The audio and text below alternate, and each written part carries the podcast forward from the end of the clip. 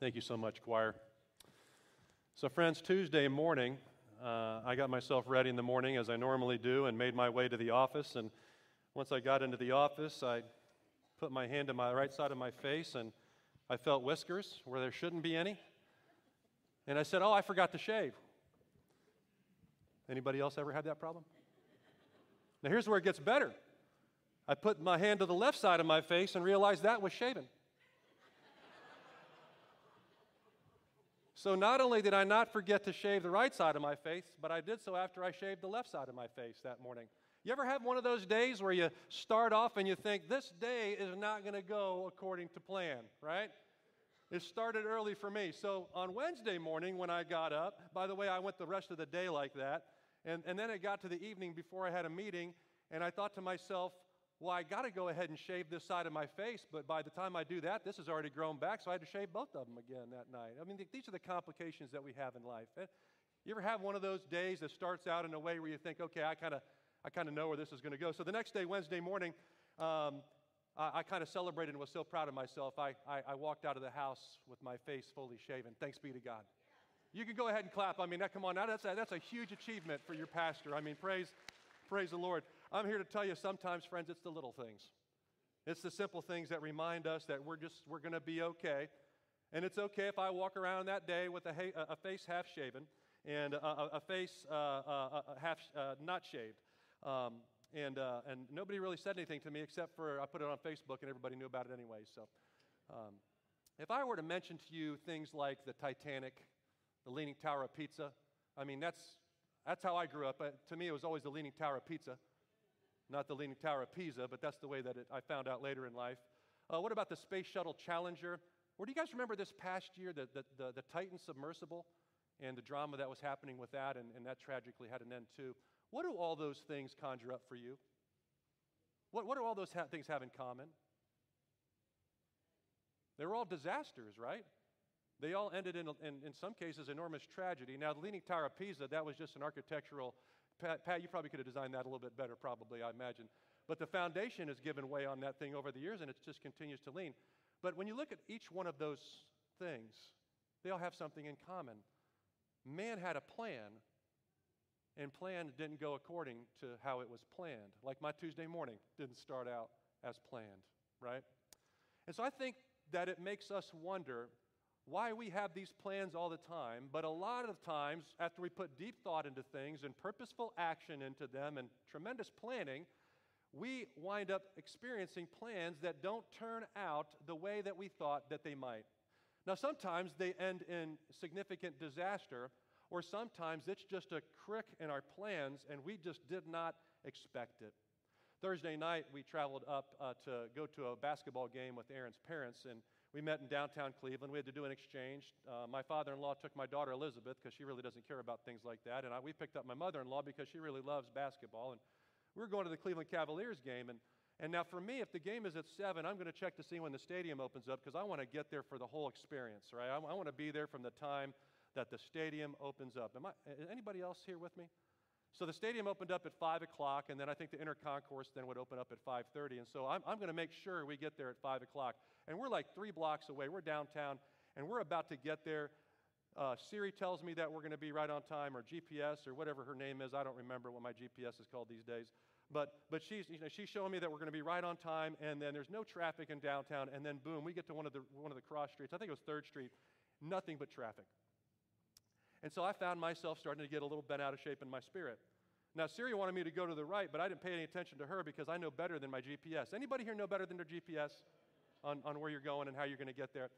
And so I found myself weaving through the inner workings of downtown Cleveland like I grew up there somehow, and I didn't know a thing that I was doing. And Erin was starting to get irritated because usually when I start to, to, to, to want to get somewhere and I need to get there right now, I kind of start weaving in and out of traffic. And then, and then, uh, so you pull up to the stoplight, and I'm trying to get to the two blocks away from Rocket Mortgage Fieldhouse, and this bus on the right side has the audacity to stop and pick up all these people that are waiting on the side of the road. Because I, I, I have, I, have, I have a place I need to be. It's five o'clock. We got to get there at five o'clock. So, so Erin, Erin, at one point in time, she says, Can you slow down and stop changing lanes so quickly because your passengers are starting to get ill? I paid attention to that for about a half a second. Uh, before I cut this bus off in order to be able to get to the lane that I needed to do. Because I thought for sure that street was going to be clear. And as soon as I came around the corner, traffic. And so we finally got into the front of Rocket Mortgage Fieldhouse, and there was a police officer there, and he was letting these cars in and this car in, and he would let one from our line, and four from the other line, and three from the other, and then one from ours. At least that was my observation. So I thought I would help him out in the process, and I went ahead and nudged my way in there, even though he hadn't directed me to. Well, when he turned around, and after Erin had words with me about I should probably obey the police officer that's standing right there, he came over to the window and said, Sir, I rolled it down, and I said, Yes, sir. He says, he says, Are you having a good day? And I said, Ah, police officer, I apologize. And I didn't even want to get into that moment. So we pulled through the ticketing, we walked in there, and then the guy that was supposed to move the cone to let us into the parking area, he had the audacity to be giving directions to two pedestrians that are trying to find their way. Well, I needed the cones moved so that we could get in there because it's 5 o'clock, right? Now, by now it's 10 after 5 and 15 after 5. Erin is fed up with me. We finally parked in the, the parking garage, and we walk over to Rocket Mortgage Fieldhouse, and I'm thinking we're 15 minutes late. We walk in, and the, the stadium didn't open up till 5.30. I, I was bent out of shape and I was so crankled in my spirit. Then we got up there, had, had just wonderful food, great seats, an incredible opportunity and time. And I had already worked up my spirit. Of course, everybody in the car was already agitated because of the way I was acting and behaving. And to top it all off, the Cavs stunk that night. Friends, I confess that I am complaining about first world problems. That's what these are called. These are called first world problems, and most of us go through those in our life. Well, we ended up having a good time and it was a wonderful experience, but it just reminded me that quite oftentimes we have a picture of the way things ought to go, and oftentimes we continue to press into things in the way that we think they ought to go, and things rarely turn out as expected. Am I talking to some of the right people here today? This is also pastor confession time. You can figure out that I'm not perfect. But failed plans remind us that we are not always in as much control as we think that we are, and that's what really, really scares us, friends. It's not the moment that the plan fails, it's the constant reminder that we aren't in as much control as we think that we are. In other words, we can do all the work that we can do, we can do all the planning that we can do, we can make all the good decisions that we make, we can act the best way that we can, and things will still blow up in our face from time to time. No matter how hard we try, no matter how much we process, no matter how much we plan that it does to ensure a success, there are always outlying factors that are out of our control. And in this series, we're going to acknowledge that our plans can fail from time to time. But no matter how much of a mess that we find ourselves in, we're going to trust the God who is always in control when things in our life feel out of control. We've just got to learn to put our hope in the right things and in the right places at the right time. And that is to put our hope in God and His purposes and not our plans. Now, that's exactly what the person that wrote the book of Proverbs uh, said in the Old Testament. Proverbs is just an incredible book full, full of one liners and knowledge. I love nuggets. I love, just give it to me simple. And Proverbs does that. And here's one that we're going to camp on for this six weeks as we work our way towards Easter during this holy season of Lent. Many are the plans in a person's heart. Can I get a witness? Many are the plans in a person's heart, right from the mouth of God, right? But it is the Lord's purpose that prevails. And so, friends, when things feel like they're out of control, God is always in control. And no matter the size of our disaster, God is always working a purpose beyond what you can plan for. And God is acknowledging you are going to have plans, you're going to make plans, you're going to do it 100 times a day in your mind, but it's not always going to work out to the best of what you think, but it's going to work out to the best of what I think. That's the simpleness of what God is saying. See, friends, when, when things don't turn out as planned, God is not fazed. He doesn't fall off of his throne. He always prevails, and he's working a purpose well beyond what we can see. And he can redeem any mess and use any failed plan in our life for his good and incredible purposes. He is that good. Now, speaking of failed plans and speaking of the season of Lent, friends, we may be looking at one of the greatest misgivings uh, of humankind in the way that the disciples and, and the Jews and, and, and, and the, the beginning Christ followers pictured that their Messiah and the Savior was going to come into this world and care for things. Now, we just got done celebrating Advent. It seems like just a month and a half ago, which it was just a month and a half ago. Uh, Easter comes early this year. And we celebrated by talking about the prophetic words of the coming Messiah. So, friends, the picture that they had of their Messiah is that he was going to come in and he was going to rescue them from an oppressive government. He was going to physically lift their needs of oppression that they had. And, and they were picturing this political ruler that was going to come with an army and overthrow a corrupt government and take a political office. And so you can imagine to the disciples and, and, and, and God followers dismay and their heartbroken and, and, and, and, and disappointment. right? When Jesus is captured without a fight. He's mocked and beaten and crucified and placed in the grave, and a two ton stone is rolled in front of him. Now, friends, according to them, that didn't sound like the plan that they were hoping for. And if we're honest, if we were around those days, we know the end of the story. We would say, That's not the greatest plan in the world, Jesus. There's got to be a better plan for your messiahship and for you to come and save us in this world.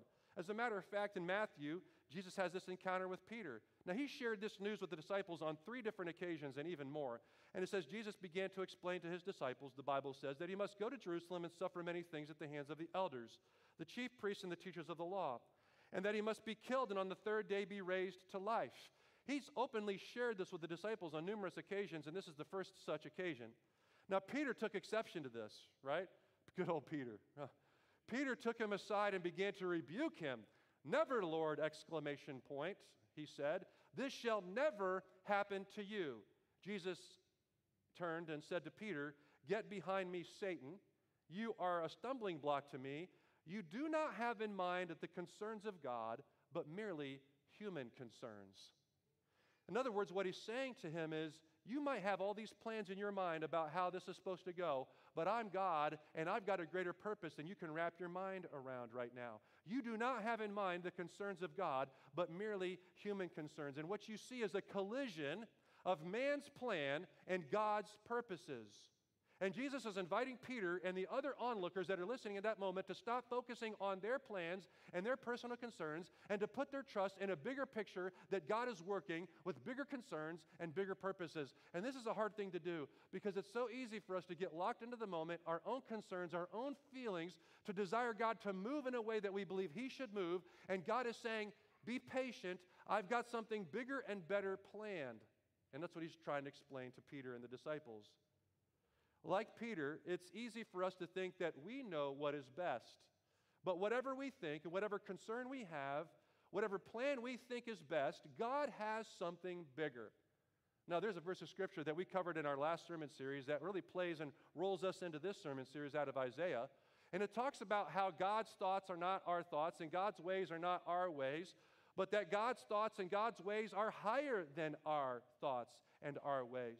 In other words, what he's doing, what he's working, is always bigger than what we could imagine or process in our mind. And that allows us to dream big dreams. And that's where we were in the last sermon series. Now, this sermon series takes that, said, okay, when we have big dreams we start putting plans together, what happens if it doesn't work out the way that we planned? And that's where this verse reminds us that God's purposes are always much bigger and better than our plans. And when you look through the Gospels, Matthew, Mark, Luke, and John, where we are introduced to the person and work of Jesus Christ, you're going to see that Jesus regularly takes failed plans and broken situations and, and, and brings them out into miracle works of God's powerful purposes.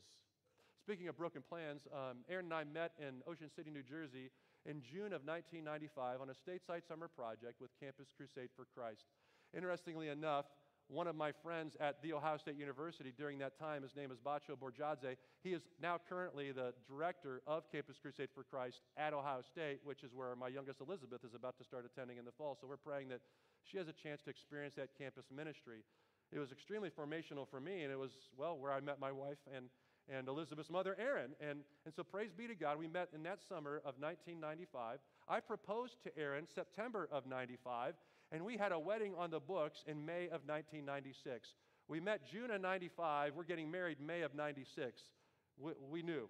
When you know that you know that you know, you don't fool around and you don't mess around. You just, you just get after it, right? So we started making all kinds of plans.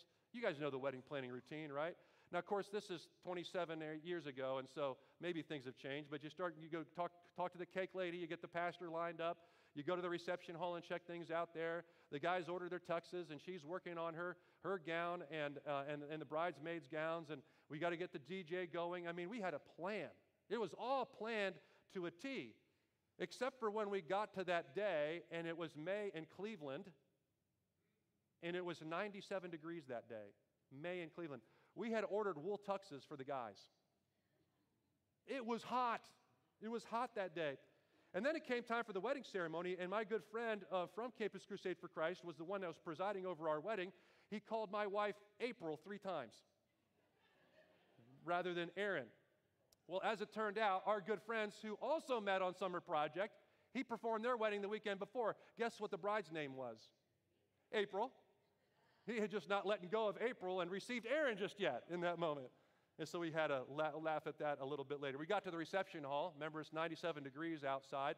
Well, the reception hall, we find out at that moment, has their air conditioning broken. The air conditioning doesn't work at the reception hall, and it's an upper room kind of deal. The room is like up in a loft somewhere. It was hot. The DJ comes down at that point in time to Erin after we found out that news and says, Oh, I'm sorry, I, I don't have the song that you're supposed to dance to with your father. It was kind of just falling apart before our eyes. And I just remember standing there wiping sweat from my brow and watching the water in my glass just disappear and evaporate right before my eyes because it was so hot before I could get a drink. And just sitting there, and I almost just about broke out in laughter at, at how you can put all these plans together. And you know that no matter how hard you plan, there are always going to be circumstances out there that are outside of your control, right? Outside of your control, friends. Well, the wedding turned out, with, uh, turned out great. We had a wonderful time. People were blessed. And people don't remember anything about that. Here's what they do remember. They said, I just remember the prime rib was good. Thank you, Jesus, right? They remembered the prime rib, and that's, that's what they remembered. It was just, it was, it was a wonderful time. But plans just didn't go according to plan. Like uh, the, another wedding, right? The wedding at Cana in Galilee. In John chapter 2, the Bible outlines this wedding. On the third day, a wedding took place in Cana in Galilee. Jesus' mother was there, Mary, and Jesus and his disciples had also been invited to the wedding. So they, they showed up, this whole wedding party. They're taking up a couple tables at the reception, right? And when the wine was gone, Jesus' mother, Mary, said to him, They have no more wine. Now, friends, that may seem like a minor deal today, but back in the day, in biblical times, it was traditional that a wedding would celebrate not just for an hour or two, and not just for a day, but it would go on for multiple days. And the wine was actually the centerpiece. You would actually hire people. There were firms and companies that did nothing but provide wine for weddings because it was that important. And so running out of wine would have been a significant disgrace and shame on the bride and the groom and the family. It would have been a social disaster. Well, let's make this reality. It would have been a social media disaster. You know, there would have been posts on there like hashtag wedding stinks, you know, that kind of thing, right? And, and, and it just would have been, it would have been terrible, and they would have been shamed by culture and society. Now, now Jesus, what we need to remember is hadn't displayed his divine power publicly yet, and he's sitting at a reception table. In other words, he hasn't had his coming out party yet. He hasn't healed anybody. He hasn't walked on water yet. He hasn't uh, uh, fed uh, 15,000 people. He hasn't touched the leper or healed the blind. He hasn't done any of that. He's sitting at this reception table with his mom and disciples, and they're just hanging out at this wedding, having a good time. They're giving toasts and cutting the cake and doing electric slide, right? And, and taking and using those little disposable cameras to take pictures of each other. Uh, and, and all of a sudden, Mary, Jesus' mother, turns to her son to solve the problem. Now, I find that interesting, right? When the wine was gone, Jesus' mother said to him, they have no more wine. When the problem arose and things started to fall apart and things looked broken, who did she turn to? She turned to her son, who happened to be the Son of God, Jesus, friends. I think there's a lesson right there. When things fell apart, she turns to Jesus. Now, I love Jesus' reply in verse 4 Woman, why do you involve me? Jesus replied, My hour has not yet come. Now his mother said to the servants, Do whatever he tells you to do. I love this. I absolutely love this interaction, friends. If you want to understand the heart of God and the playfulness of God and, and just how much He wants us to sometimes take humor from Scripture or just to learn some really, really good and funny things, while Jesus is God, He still has a mother to answer to. Think about that for a second. I mean, Jesus is God, but He still has a mother to answer to. You bet He does. Uh, I mean, no matter what circumstances we have in our life, no matter how old we get or how important or powerful we are, we all have a mother to answer to at some point in time, and so does Jesus. Now, Mary, Jesus' mother, senses that this is her son's moment, that things are going cattywampus, and Jesus can step in and do something about this because she knows the prophecy of what she's been told. She knows this is Jesus, the Son of God. She knows his power, and she knows this is her amazing God while also being her son and, and, and decides this is the time for you to use your amazing purposes. And what does Jesus do? Jesus pushes back. Now, what's amazing to me is in verse 5, uh, after verse 4, he says, Woman, do not involve me. Jesus replied, My hour has not yet come. She doesn't pay attention to any of that because the next verse says, His mother said to the servants, Do whatever he tells you. I can just picture it this way. Jesus is telling mom, Mom, now's not the right time. And she's like, Yeah, yeah, yeah. Be, I, I got this taken care of. Just do, just do what you do, and you're going to know the time is right. Let me go take care of this, and, uh, and you'll know when the time is right. I also love this. Friends, this proves the divinity of Jesus Christ. Because only Jesus could get away with looking at his mom and calling her woman. Only God can get away from that, right? And, and survive after that moment. But that's the interaction that we see between Jesus and his mother. And so she pushes back. She's not having any of this, right? And she doesn't even acknowledge his reply to her. She ignores it and, and sets the people up to receive what he's about to do. Now, Mary knows that this family did all they could that this family had prepared all that they could, that they worked with the wine company to, to make sure that they had everything that they needed to have for that day. But for some reason, there wasn't enough, and their plan was about to crumble right before them. She knew that they needed a miracle, and who does she turn to? She turns to Jesus. And friends, in the middle of these crumbling and broken plans, in the midst of this potential opportunity for disgrace for this family, enter Jesus. Enter Jesus. Let's see what happens. Verse 6 Nearby stood six stone water jars, each holding from 20 to 30 gallons. Jesus said to the servants, Fill the jars with water. So they filled them to the brim. And then he told them, Now draw some out and take it to the master of the banquet. And they did so. And the master of the banquet tasted the water that had been turned into wine. And then he called the bridegroom aside and said, Everyone brings out the choice wine first, and then the cheaper wine after the guests have had too much to drink. But you, my friend, have saved the best till now. Not only did Jesus save face, but he gave them something better than they thought they could ever imagine.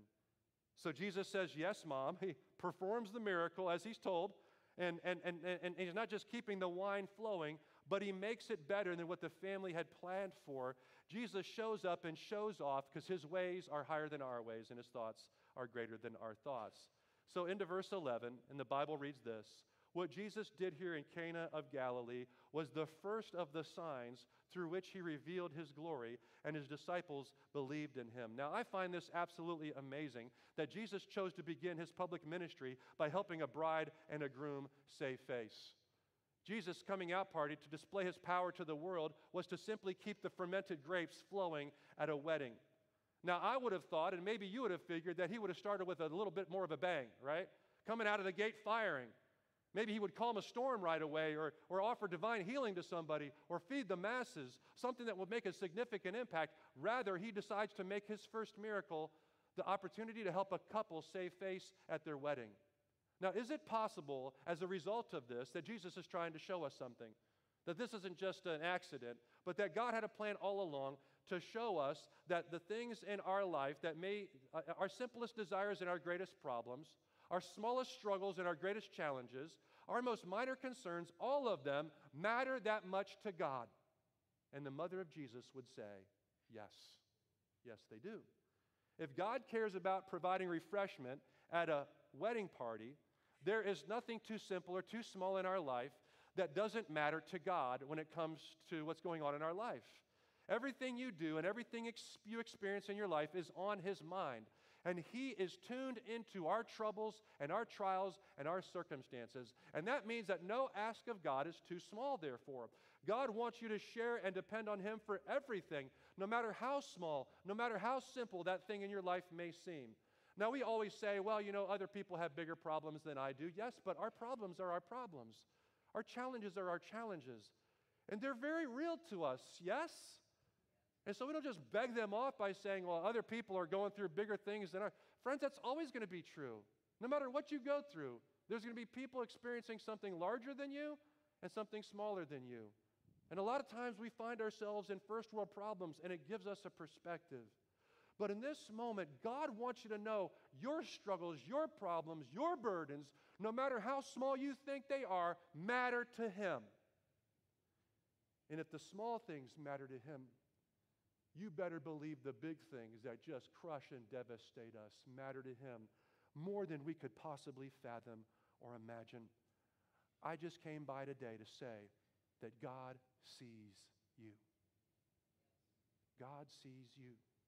He sees your problems, He sees your pain, He sees your brokenness. And we need to know that because if His first miracle coming out of the gate is helping people with beverages at a party, then you can only imagine what He cares for in our life, friends. Here's what I do know about the intuitive nature of God is the intuitive nature of a mother. I could really fool anybody in my life when I was growing up, but I couldn't fool my mom. I could tell every, I could tell, hey, how's your day going? Hey, I'm doing great, fantastic, high five, whatever. You know, well, fist bumps wasn't even a thing back then. I mean, high five, handshake, hey, good to see you. All, all is great. And my mom would stop me. She says, what's going on? I said, what do you mean, Masha? You just don't seem like yourself right now. I mean, she could tell I had a fever and not even touch my forehead, right? Because of a mom's intuition. And friends, it's a mom's intuition here that wants to remind us that when things start to break down in your life, you look to the only one that can not only care for them, but to make his purpose as an outcome even greater than what you expected in those broken plans, friends. That's our God, and that's Jesus. God can see you.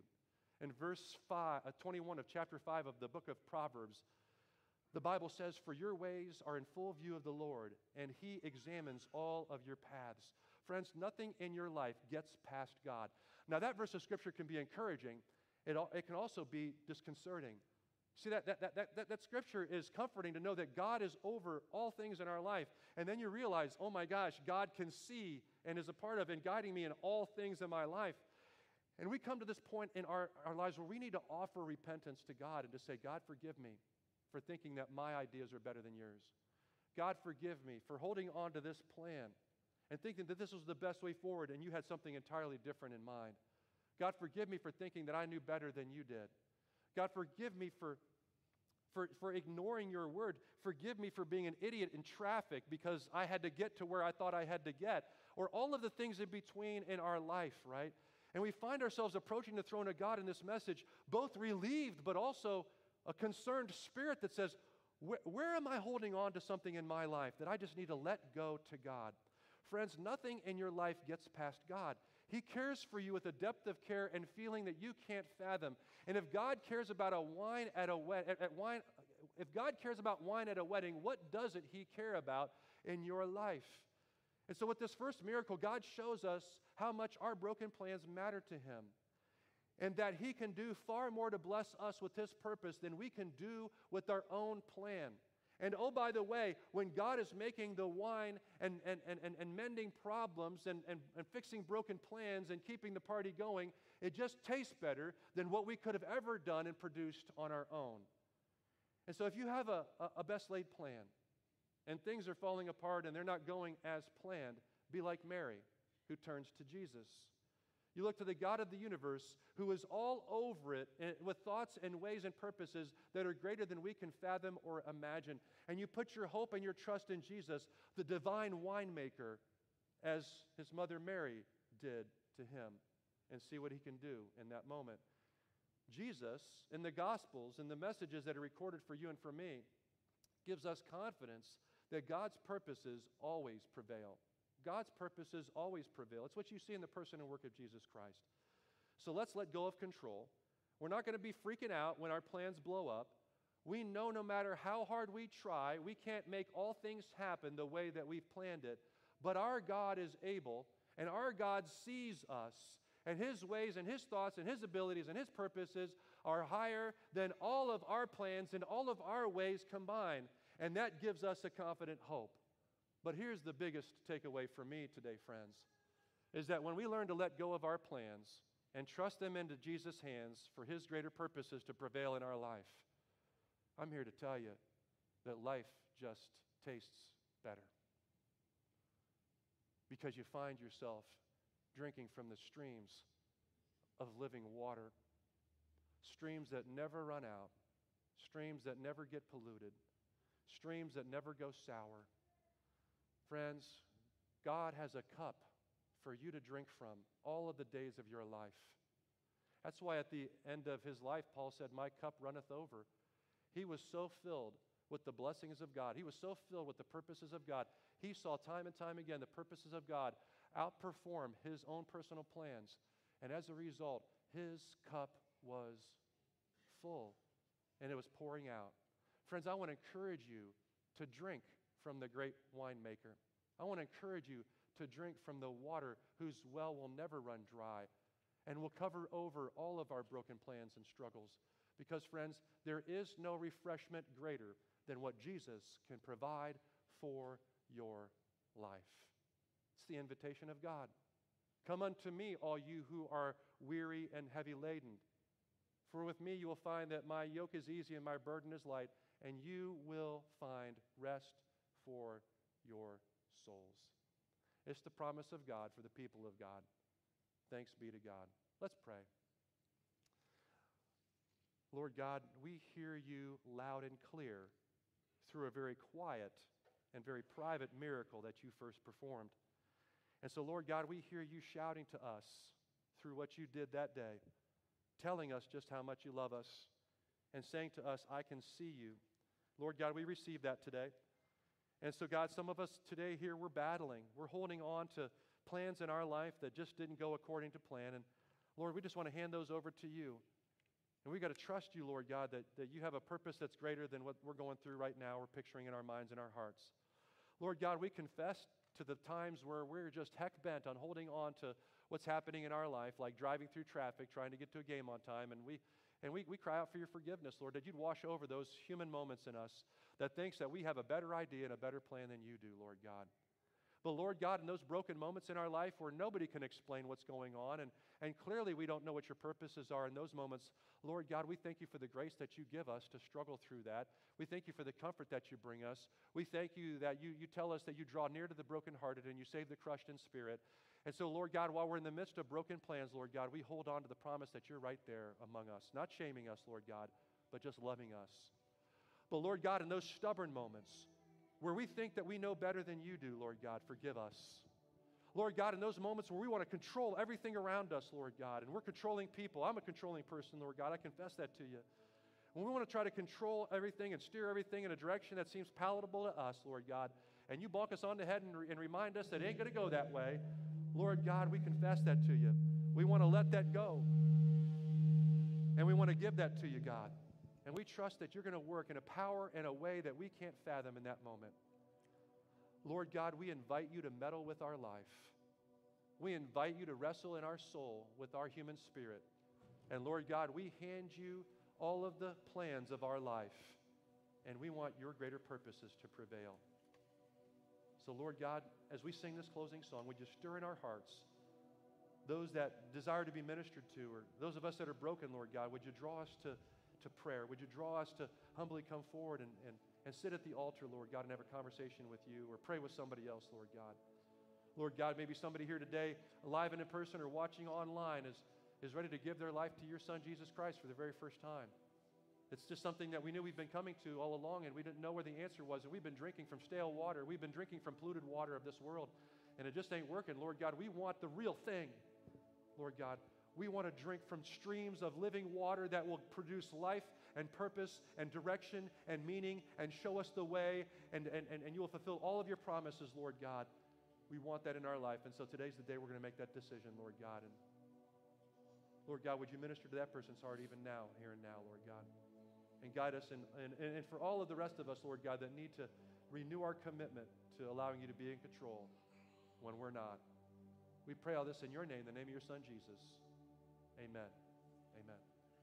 Well, friends, the invitation's been given. I want you to stand right now. We're going to sing this closing song. And, and, if, and if you want to give your life to Jesus Christ, I'd love to have you come forward and pray with you. If you've never been baptized before, or you want to join God's church, and those are decisions that you're making, would love to talk with you.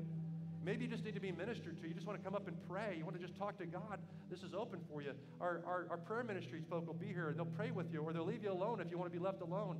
Whatever it is we can do to bless you. If you need to be ministered to, Oh, friends, the altar is open. Today is the day to shed the burdens, to shed this need to be in control, and to let go and let God guide and lead, friends. Let's sing this closing song.